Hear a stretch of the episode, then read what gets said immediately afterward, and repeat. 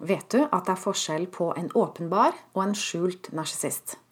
Vet du hva som er forskjellen? I dag skal jeg snakke om ti tegn på en skjult narsissist.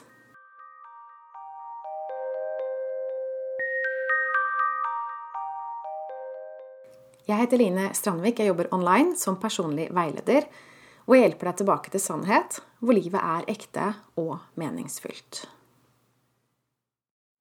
Men før jeg begynner å ramse opp alle disse tegnene på hva en narsissist er, så vil jeg komme med en liten advarsel. Ikke bruk det her til å dømme verken deg selv eller andre mennesker. For det er jo litt narsissistisk i seg selv å dømme andre mennesker. Vi har alle våre sår, og vi har alle mennesker som trenger healing. Jeg har planer om å lage en ny podkast om hvorfor noen blir narsissister. Grunnen til at jeg laga denne podkasten, er at du kan ikke beskytte deg mot å bli narsissistisk misbrukt hvis ikke du vet hva det er. Du må lære, og det kan starte med sånne lister. Hensikten er ikke at flere skal bli merka som personlighetsforstyrra, men at flere skal få det bedre. Jeg ønsker å hjelpe deg til å komme i balanse med deg selv og dine omgivelser. Hva er en narsissist? Jeg regner med at du har lest min e-bok på 20 sider som heter 'Hvordan håndtere en narsissist'. Og hvis ikke du har lest den, så kan jeg sende til deg. Send meg en mail på line at linestrandvik.no. Kort sagt, det er en form for egoisme. Narsissister har en tendens til å kritisere andre og opphøye seg selv. De hevder seg på andres bekostning. De har behov for oppmerksomhet, bekreftelse, godkjenning og anerkjennelse. Og det er jo kanskje litt forvirrende, for har vi ikke alle det? Jo, i mer eller mindre grad så er det veldig vanlig. Men den åpenbare narsissisten, det kan være f.eks. Eh, sjefen, som er nesten stolt av å være narsissist. Sterkt konkurransemenneske, ler andre, ganske hard tøff. Og alle vet at dette er en narsissist.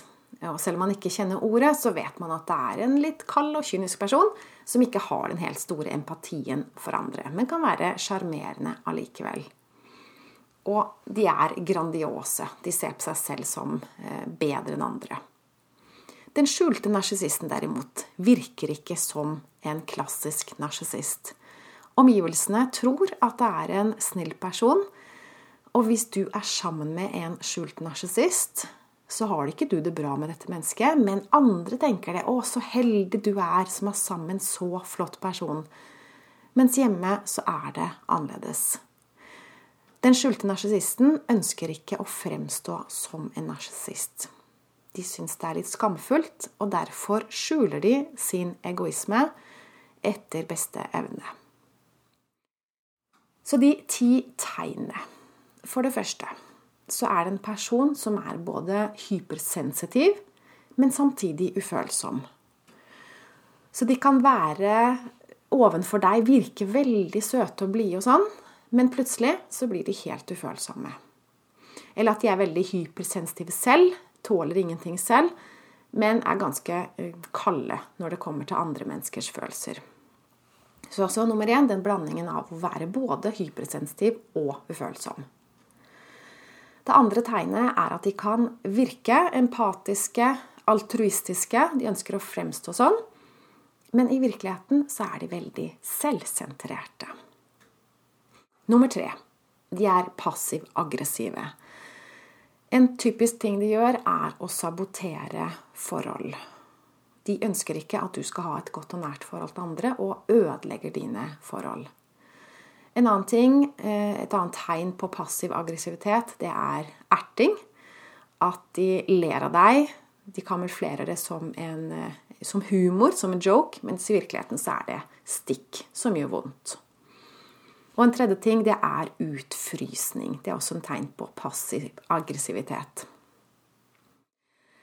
Det fjerde tegnet er at de kan snakke nedsettende om seg selv for at du skal løfte dem opp de nedtoner seg selv og spiller ydmyk, og så gjør de det for at du skal da løfte dem og snakke dem opp, og de liker den eh, å bli eh, løfta, rett og slett. De liker ros og skryt og den derre eh, omsorgen de får av at andre duller med dem.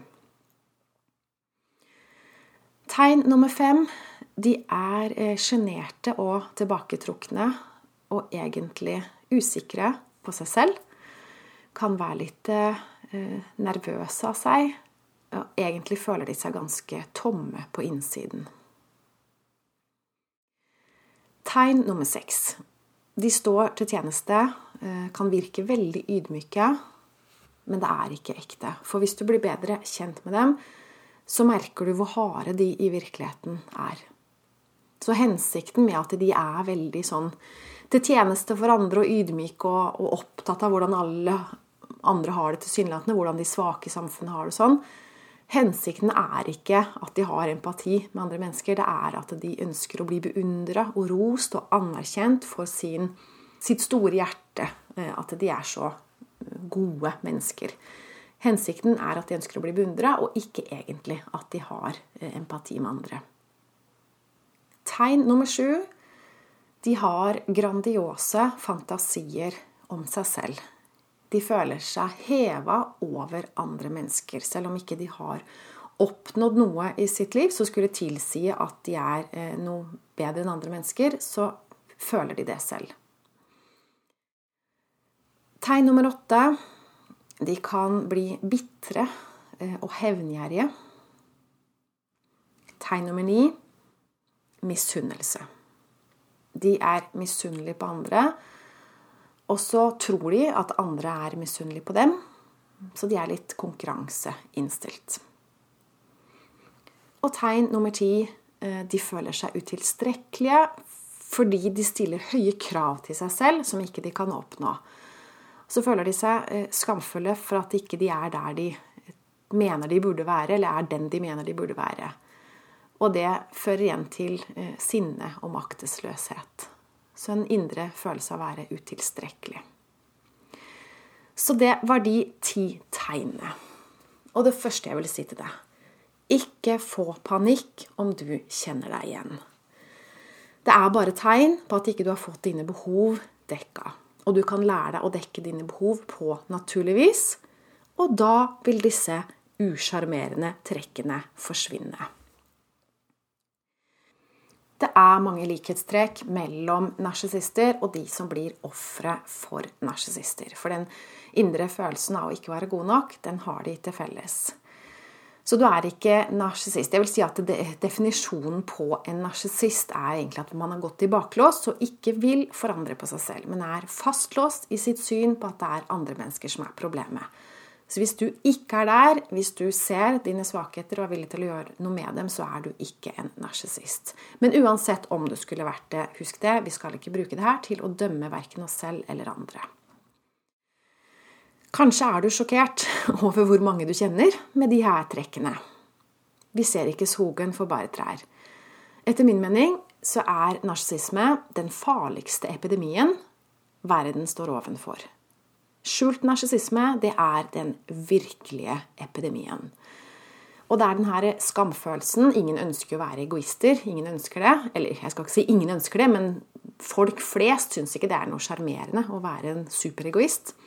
Så hvis man da er narsissist og kjenner det selv og ikke har lyst til å være det, så gjør det at man skjuler det. Så derfor er det mange skjulte narsissister i dag. Så det å sette pekefingeren opp, det løser ikke problemet. Det gjør bare vondt verre. Som sagt så må man inn og hile sine indre sår for at det skal forsvinne. Det som er typisk, det er at mange går ut av et forhold til en åpenbar narsissist. Og så går de inn i et forhold med en skjult narsissist. Så tenker de oi, denne personen er jo helt annerledes, mye hyggeligere, mye mer ydmyk, mye snillere. Og så med tiden så oppdager de at wow, det var jo narsissist, det her òg. Det er typisk. Det har jeg sett flere ganger. Og den skjulte narsissisten den er egentlig farligere, fordi da får du ikke noe støtte fra omverdenen heller. Hvis det er en åpenbar narsissist, så er det kanskje andre rundt deg som ser det, og som støtter deg. Mens når det er en skjult narsissist, så er det tvert imot. Så virker denne personen så hyggelig, og så virker det som det er du som er helt gal her, som ikke ser hvor fantastisk dette mennesket er. Så du blir veldig alene. Men ikke så galt at ikke det er godt for noe. Du blir tvunget til å hente fram styrken i deg selv.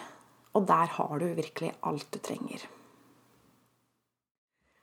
Og så kommer det en viktig advarsel til. Og det er ikke stol blindt på det jeg forteller deg. Eller det noen annen person forteller deg i det hele tatt. Uansett hva slags utdanning de har. Vi er opplært til å stole blindt på autoriteter. Vi er opplært til å legge vårt liv i andres hender. Men hvis du stoler blindt på andre, risikerer du å legge ditt liv i hendene på en narsissist. Eller et narsissistisk system.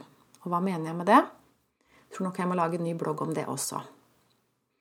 Det finnes narsissister i alle yrkesgrupper.